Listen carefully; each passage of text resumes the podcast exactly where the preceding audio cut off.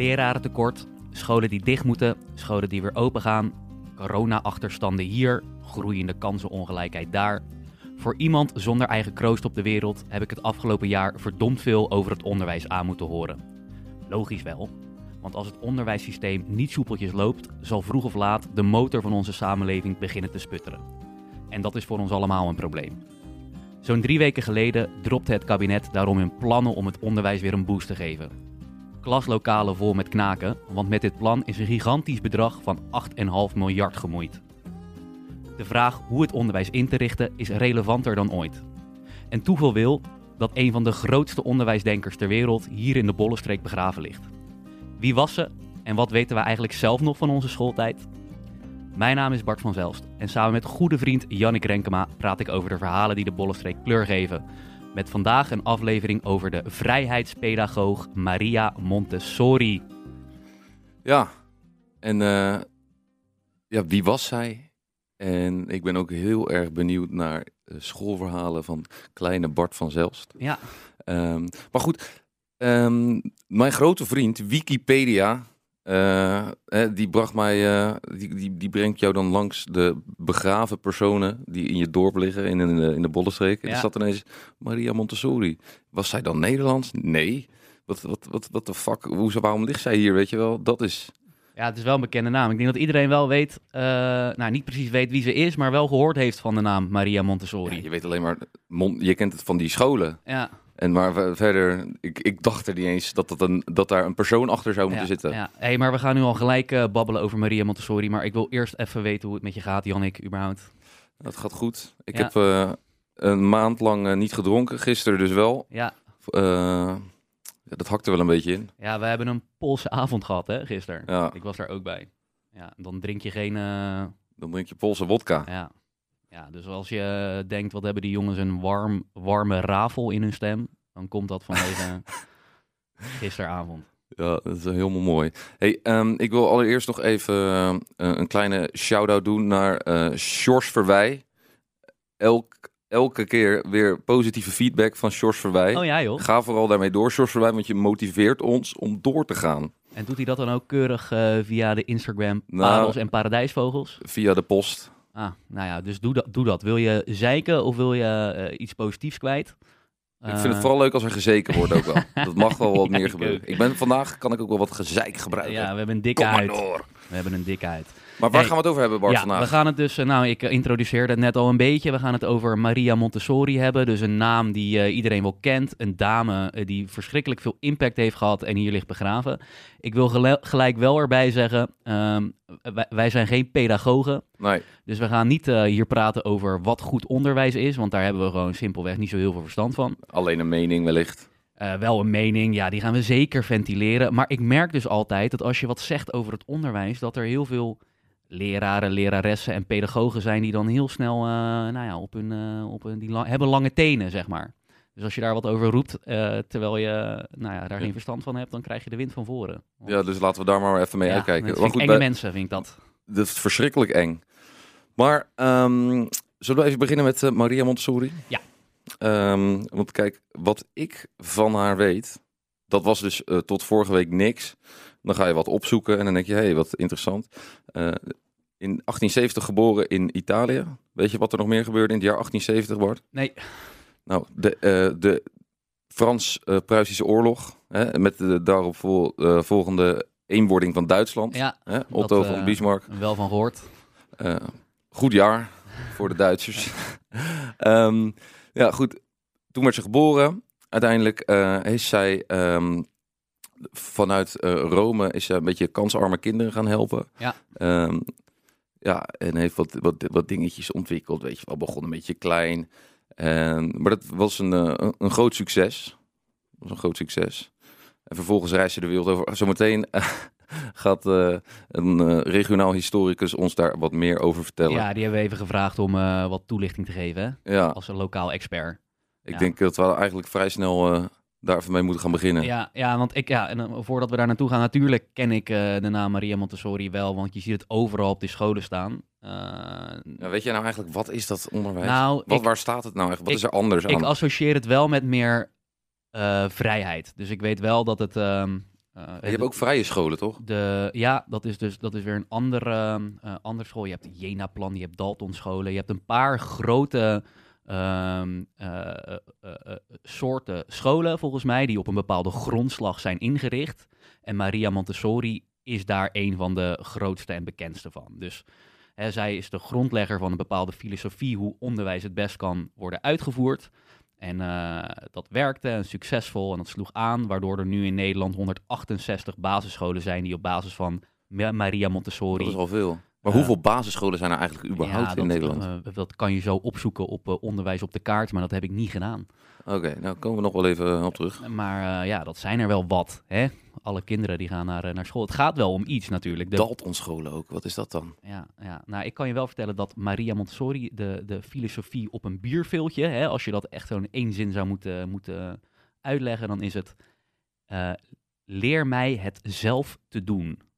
Ja, dat is ja, de ja. slogan. Dus zij, zij zeggen dat kinderen, die zijn op een bepaald moment zijn ze, eh, staan ze open om, eh, om, om dingen te leren. Dat verschilt heel erg per kind. Maar als school moet je die momenten spotten. En als dat moment er is, dan moet je ze ehm, eh, dat, dat moment benutten en ze dingen leren. Dus dat ligt heel erg bij het kind. Als die aangeeft, ik wil iets leren, dan, dan moet, je dat, moet je dat doen als, als docent, als onderwijzer. Dus dat is iets vrijer dan die wat meer eh, rigide, strakke onderwijsvorm. Ja, dan is het gewoon, ja, ja ik, ik kan, dan moet je het natuurlijk ook gewoon zelf doen.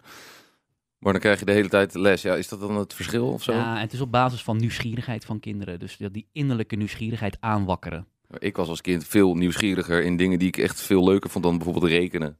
Zou ik niet zo snel eh, uit mezelf gaan doen. Nee, dus dan had jij nooit gerekend. Dan, had ik jij nooit eh, gerekend. nu niet eh, kunnen uitleggen wat eh 3 had ik keer het- 9 plus eh, 36 is. Nee, kan ik nog steeds niet. Nee, Maar ik, jammer dat je niet ik had. denk ik alleen maar met, acht jaar lang met mijn handen in de klei gezeten, dingen maken, een beetje voetballen. Eh, oh, eh, nou meester, mijn, band, eh, mijn bal is lek. Mag Ja, ik een nieuwe nou, bal? Dat is dus ook een beetje de kritiek die het soms krijgt. Maar nu gaan we toch in een hoekje van die pedagogen zitten peuren. En dan Ja, beloofd dat dat wil ik toch doen. ook wel een beetje doen eigenlijk. Zullen wij, is- ehm, wil jij even introduceren wie wij gevraagd hebben om ehm, eh, nou ja, als lokaal expert een en ander te zeggen over dit onderwerp? Ja, ik heb ehm, Koen Marijt gevraagd om hier een bijdrage te leveren. Eh, hij, is, hij is voornamelijk wel eh, op, eh, op de Tweede Wereldoorlog is wel echt zijn vak. Zijn vakgebied. Hij, organiseert ook ehm, van die wandeltochten in Normandië. En je kan hem kennen onder de naam Koen van Toen. Koen van Toen. Dat is de Instagram eh, pagina van hem. En ja, we hebben hem, wat hebben we hem eigenlijk allemaal gevraagd? Weet jij dat nog? Ja, we hebben een hele lijst aan vragen voorgelegd die hij heeft beantwoord. Maar eh, laten we beginnen met eh, zijn introducerende tekstje, zijn verhaaltje. Ehm, hè, wie was zij en wat deed ze eigenlijk? Yes, this is Miss Renee King out of Philadelphia.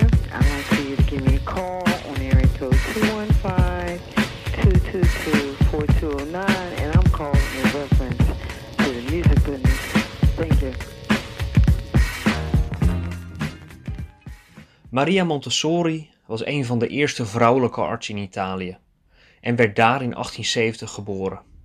Haar werkzaamheden als arts brachten haar in aanraking met geestelijk gehandicapte kinderen. Zij ging zich interesseren voor de opvoeding van deze kinderen en maakte diverse studiereizen naar het buitenland.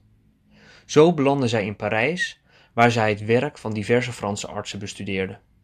Het materiaal dat deze artsen gebruikten bij hun onderwijs vormde de grondslag voor het Montessori ontwikkelingsmateriaal.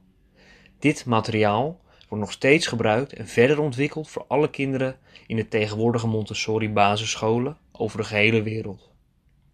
Kortom, Maria Montessori heeft een onderwijsmethode ontwikkeld die vandaag de dag nog steeds gebruikt wordt. De kern van het Montessori-onderwijs wordt meestal samengevat in de uitspraak: leer mij het zelf te doen. De leerlingen werken individueel of in kleine groepjes aan het materiaal dat zij zelf aan het begin van de dag kiezen. Dat materiaal is oorspronkelijk door Maria Montessori ontworpen. De leerkracht observeert de activiteiten van de kinderen om erachter te komen waar zij behoefte aan hebben en reikt dan materiaal aan om in die behoefte te voorzien. Het voelt wel heel erg vrij. Ik bedoel, de, de kinderen kiezen aan het begin van de dag waar ze zin in hebben. Hebben kinderen niet ook gewoon een beetje zo van... eh, die moet toch ook een beetje de zweep eroverheen Ja, halen. dat zal toch? helemaal verschillen per kind, natuurlijk. Maar ja, ik, wat, jij nu, wat jij nu zegt, is wel wat, wat ik steeds vaker hoor bij mensen. Dat ze zeggen, ja, het is misschien iets te veel doorgeslagen in die vrijheid. En we moeten weer terug naar, eh, nou ja, wat meer eh, vaste patronen en dat ouderwetse onderwijs. Ja, Of dat waar is, geen idee. Ik, eh, nogmaals, ik ben geen expert. Ik weet wel, eh, ik heb niet op een Maria Montessori school gezeten. wat, wat zat je op een christelijk? Ja, op een christelijk, hebben we het al eerder over gehad. Een christelijke school, ja, maar ik Die heb- had altijd fitty met de andere christelijke basisschool. Ik heb eh, volgens mij zat er geen eh, Maria Montessori-achtige grondslag achter die school. Ook geen Dalton school, ook geen eh, Jena-plan school, maar was het gewoon een recht toe recht aan eh, onderwijs en, en, en school. En als ik daarop terugkijk, ik ging daar best wel lekker op. Dus ik ben, ik, ik hoor heel veel verhalen van jongeren die, die zeiden van ja, het het onderwijs was voor mij niet helemaal op de juiste manier ingericht. Ik had juist misschien meer vrijheid nodig, of ik had juist misschien een strengere docent nodig en eh, ik werd te veel vrijgelaten. Nou, voor mij was dit precies goed. Ik gedijde wel lekker in dat onderwijs. Ik kon Ja. eh, verdwijnen in, eh, in de klas als ik dat wilde. En als ik wel individuele vrijheid en aandacht wilde, stak ik gewoon mijn vinger op. En ging dat goed. Dus ik heb daar best wel eh, prima, prima... eh, Maar heb jij niet ehm, op school heb je niet iets gemist? Hè? Iets met, en dat kan ook op de middelbare school natuurlijk zijn, iets van eh, iets meer, weet ik veel. hoe, hoe koop je een huis? Of hoe, hoe, hoe zet je een bedrijf op? ja, of, maar, maar dat leer je niet op de basisschool, joh. Nee, daarom zeg ik ook middelbare school later. Ja, nou ja, praktijkervaring vind ik wel heel erg belangrijk. Wat bij heel veel, als zo'n jongen als ik, die eh, vanaf de basisschool naar de middelbare school is gegaan en dan een ateneum is gaan doen en daarna naar de universiteit. Ik heb pas voor het eerst met hele praktische shit eh, in aanraking gekomen toen ik, eh, nou ja, in de twintig was, weet je wel. Voor de rest zat ik met mijn neus in de boeken. Ja, en, en praktijkervaring leert je wel heel veel dingen die je niet op school leert. Ja, daar had ik wel misschien wat meer behoefte aan. Maar ja, ik ben er later alsnog achter gekomen hoe het werkt. Of meer stages. Meer stages, ja. Maatschappelijke stages. Dat is, eh, of de dienstplicht. nou, dat, dat is een plan die nu wordt uitgevoerd. Het zijn pilots Wat, wat dienstplicht? Of- voor jongeren, maatschappelijke diensttijd. Eh, dus ja, dat ze wat meer met elkaar in aanraking ja, komen. dit is echt een ChristenUnie-plan. Misschien wel even goed om, om, om uit te leggen aan de luisteraars dat ik niet helemaal blanco in het onderwijs zit. Vertel. Want voor me, ja, ik heb, dat weet jij, Ja, dat weet ik. ik heb bij een MBO-vakbond gewerkt die opkwam voor de belangen van MBO-studenten. Job. Job heette dat, ja. Dus eh nou ja, dan gingen we lobby bij de politiek voor beter eh, mbo-onderwijs en meer geld. Dus ik zat wel aardig in die eh, onderwijsdiscussie. En ik werk nu nog steeds bij een adviesbureau die ook onderwijsclubs helpt met, met het onderwijsdebat in de politiek. Hoe ze dat kunnen volgen en hoe ze nou ja, daarop in kunnen spelen. Ehm, en ik refereerde daar al even aan in die, in die intro. Hè, er is nu zo'n nationaal programma onderwijs. 8,5 miljard wordt er nu even in eh 2,5 jaar tijd naar het onderwijs gegooid. Om... Ja, ik weet helemaal niet of dat nou... Is het nou veel dan? Ja, het is tering veel. Ja, ja, Ja, ik vind 8 miljard natuurlijk ook veel. Maar ja, weet ik veel wat allemaal naar het Ja, onderwijs gaat het- normaal je het gesproken. verspreid eh, over, eh, over heel veel scholen. En er zijn heel veel scholen, dan, dan is dat bedrag natuurlijk minder. Maar iedereen is er wel over eens dat het een absurd hoog bedrag is. En dat is goed, want onderwijs is belangrijk. En door corona eh, zijn er een hoop problemen Ja, ontstaan. want dit is toch alleen maar voor om die achterstanden Ja. weg te werken. Ja. En is er überhaupt ooit wel eens zo'n groot bedrag naar eh, onderwijs gegaan? Nou, dit is, wel, dit is wel echt uniek. En dat door al dat coronanieuws vergeten mensen dit soort dingen wel eens. Hè. Dit, dit, dit is wel even nieuws op die dag. Maar Die kutvarianten de hele dag. Maar de dag erna hebben we het niet meer over dit, dit nationaal programma onderwijs. Maar het is wel echt historisch groot, die 8,5 miljard. En wat jij nu zegt, dat het nu alleen maar is voor die 2,5 jaar, is ook de voornaamste kritiek. Dus heel veel mensen zeggen, ja, het is goed dat er wat wordt gedaan aan die corona-onderwijsachterstanden. Maar het echte probleem is dat er structureel meer geld moet komen voor meer leraren. En niet dat je nu 8,5 miljard heel snel moet gaan besteden in 2,5 jaar tijd. Ehm, want hoe ga je dat doen? Ja, en da- da- daar heeft het ministerie dan wel een, eh, een, een antwoord op. En dit misschien een beetje een saaie discussie voor in de podcast, maar ik ga het toch eh, heel kort uitleggen. Kom op, kom maar door. ja, ze hebben dus gezegd, wij gaan bij het ministerie een keuzemenu opstellen. ehm, waar dan bewezen onderwijsinterventies op komen te staan. Ja, ik snap er nu al geen reet van Ja, dus eigenlijk. dat zijn gewoon, je gaat een zomerschool doen. Of je gaat eh, eh, eh, eh, studiebegeleiders inhuren die bijles kunnen gaan geven. Eh, dat soort onderwijsinterventies noemen ze dat. Eh, die gaan we allemaal op een rij zetten. En die moeten allemaal wetenschappelijk onderbouwd zijn. En eh, die moeten bewezen zijn dat het werkt. En uit het keuzemenu kan elke school dan een eigen, nou ja, hun keuze maken hoe ze dat geld wat ze gaan krijgen gaan besteden. Moeten ze een eigen plan maken.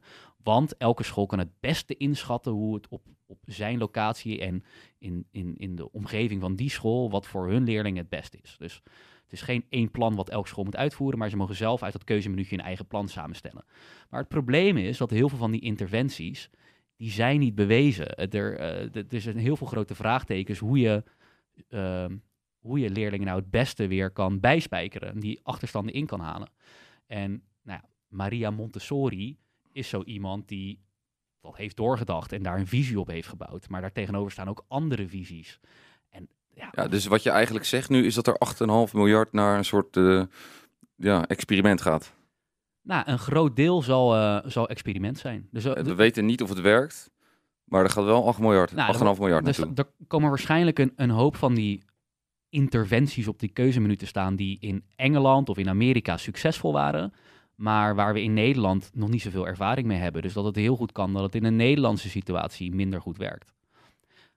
Maar goed, tegelijkertijd, hè, ehm, het brengt ook een hele hoop in versnelling en dan kom je erachter wat wel werkt en wat niet werkt en heb je op de lange termijn ook wel baat bij als onderwijssector. Ja. Alleen ja, daar gaat gegarandeerd gaat een deel van die 8,5 miljard gaat besteed worden aan, aan, aan dingen die niet werken. Ja, dat is onderdeel van zo'n groot plan. Ja. Wat denk je dat eh, Maria Montessori allemaal eh, met 8,5 miljard had kunnen doen? Nou, konden we het haar maar vragen wat ze zou doen. Ik bedoel, zij, eh, zij had dat geld niet en die, die maakt gewoon eh, er het beste van op een of andere manier. Die ontwikkelt een hele onderwijsmethode. Ja. 168 scholen, Ja, toch? dan Nou, moet vernoemd. het wel een beetje werken. En die had, ja, maar die had geen geld. Je komt ook wel op goede ideeën zonder geld.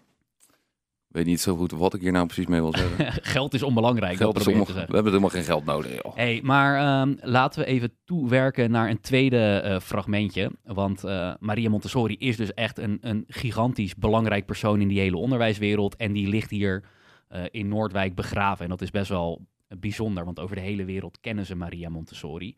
Ja. Eh, maar de vraag is dus, hoe de hel is zo'n eh, historisch figuur in eh, Noordwijk terechtgekomen? Montessori reisde gedurende haar leven de gehele wereld over. Tijdens de Eerste Wereldoorlog reisde ze naar de Verenigde Staten, waar ze diverse lezingen gaf. Zij was daar overigens op uitnodiging van Alexander Graham Bell en Thomas Edison, geen onbekende namen. Bell wordt ook wel gezien als de uitvinder van de telefoon en Edison als de uitvinder van de gloeilamp. Na haar reis uit de Verenigde Staten vestigde Montessori zich in Spanje en ook nog een korte periode in Italië.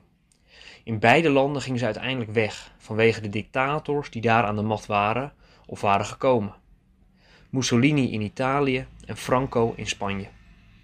In 1936 kwam Montessori voor het eerst in Nederland aan, maar pas na de Tweede Wereldoorlog ging zij in Noordwijk wonen.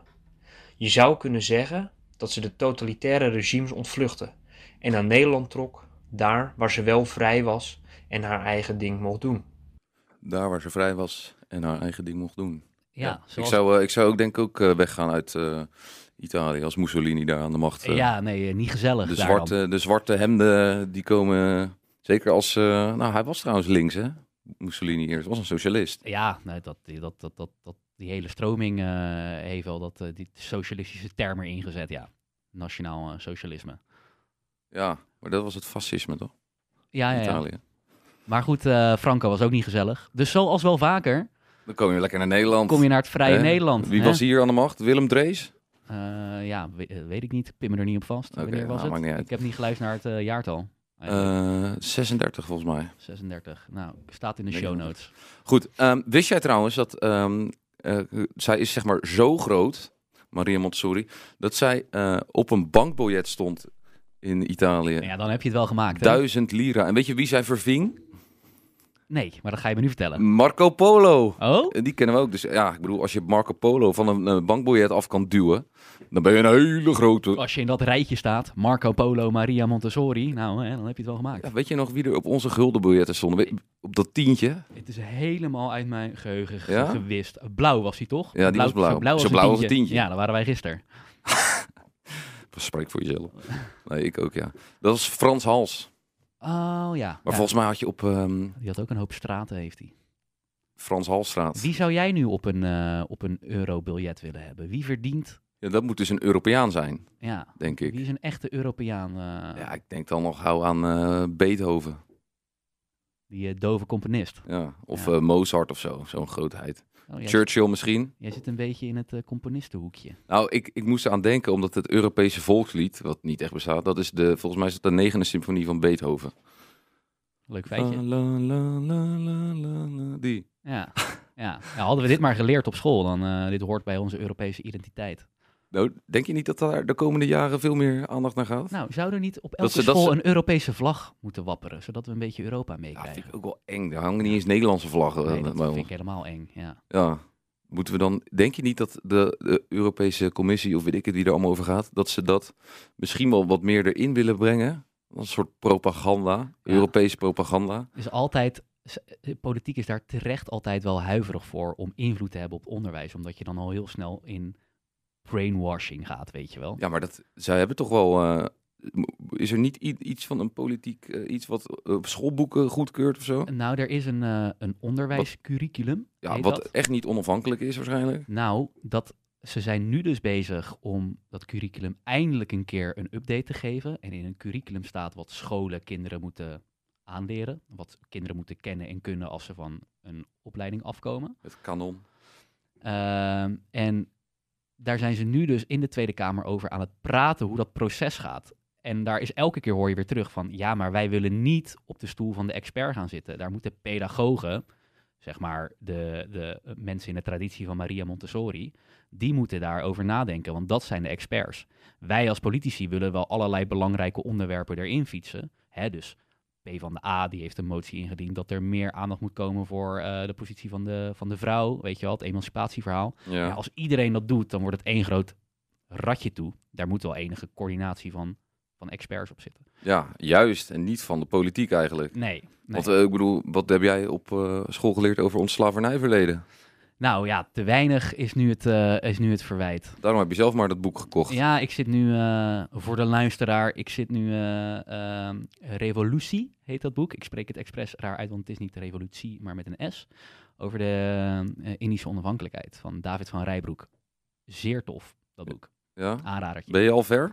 Eh, nee, ik eh, zit op pagina 100 of zo en het is een vrij dikke pil, dus Ja, dan ben je nog helemaal in eh, het begin. Maar het heeft nu al wel me nieuwe inzichten gegeven, dus over het slavernijverleden en de omvang van Nederlands-Indië en de VOC, wat Kolo- gedaan hebben. koloniale verleden. God, nou, we hebben wel wat uitgesproken. Maar ja, nee, wat mij betreft mag daar wel wat meer aandacht voor komen op het onderwijs. Maar ja, zo zijn er eh, 17 miljoen meningen over wat er op het onderwijs moet komen. En moet er iemand daar wel een beetje... Nou, als er één ding is wat jij eh er op zou mogen gooien, of hoe noem ik dat?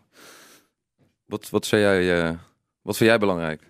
Nou ja, we hadden het net over Europa. Ik geloof wel in het eh, Europese project dat dat wel wat meer mag leven bij, eh, bij heel wat meer mensen. Dat we ons meer als Europeaan gaan voelen dan als Nederlander. Ja, en dat we... ehm, Hoe voel jij je meer een Europeaan? Nee, ik voel me dus meer een Nederlander. Dat heeft denk ik iedereen wel. En Ja? ik hoef me ook niet per se meer een Europeaan te voelen. Maar ik geloof wel dat het Europe- Europese project nodig is.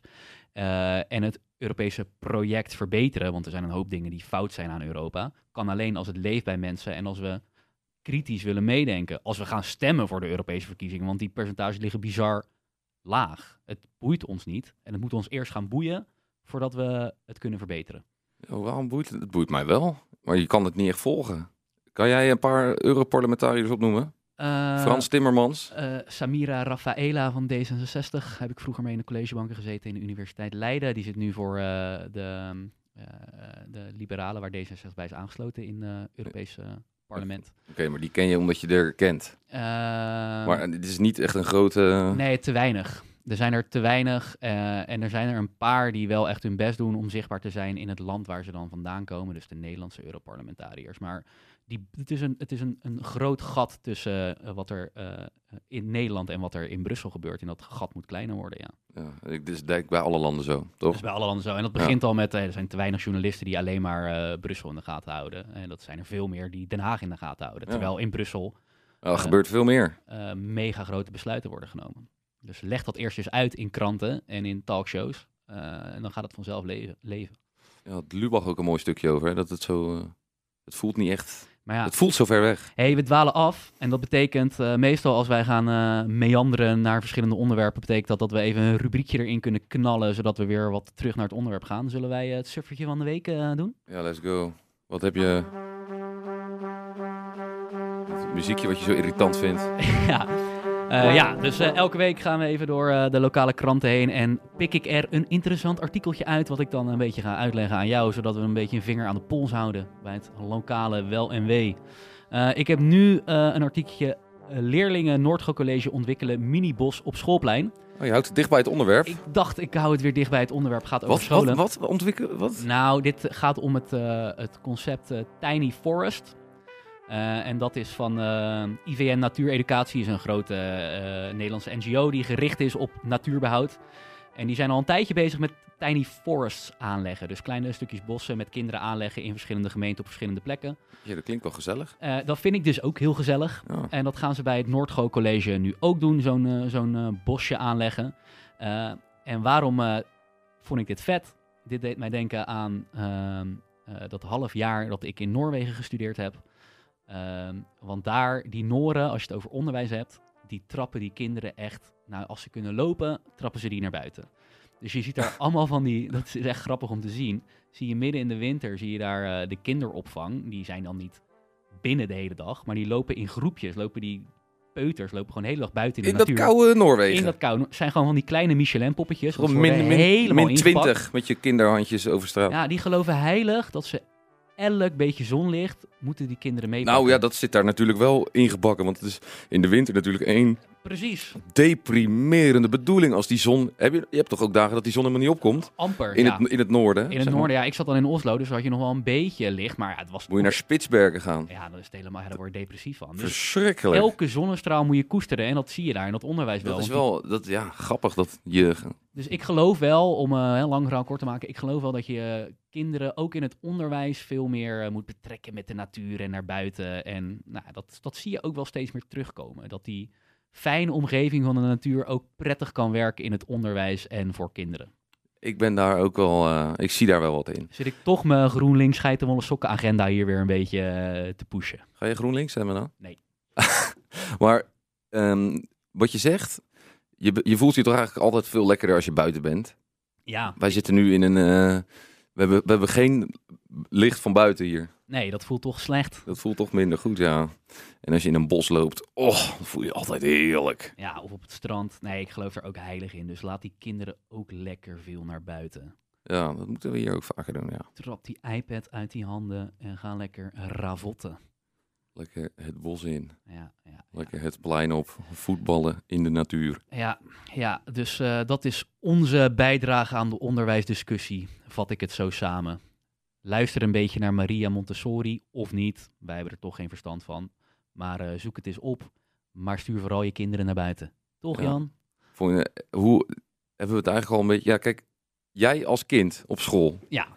Ik, eh, ik ben benieuwd. Was jij een, eh, een kutjoch vroeger of was jij een, eh, een brave leerling? Ik denk dat ik het allebei was. Ik denk dat ik eh yin-yang, ik had eh, de beide kanten in me.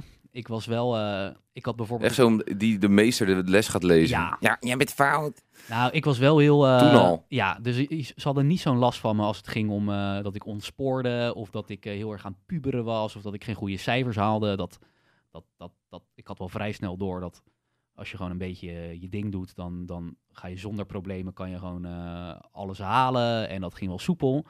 Maar ehm, ja, ik was wel bij de hand. Als in, als ik... Ik had bijvoorbeeld... Ik vond, ik, ik vond het niet oké dat ik niet mocht douchen na een gymles.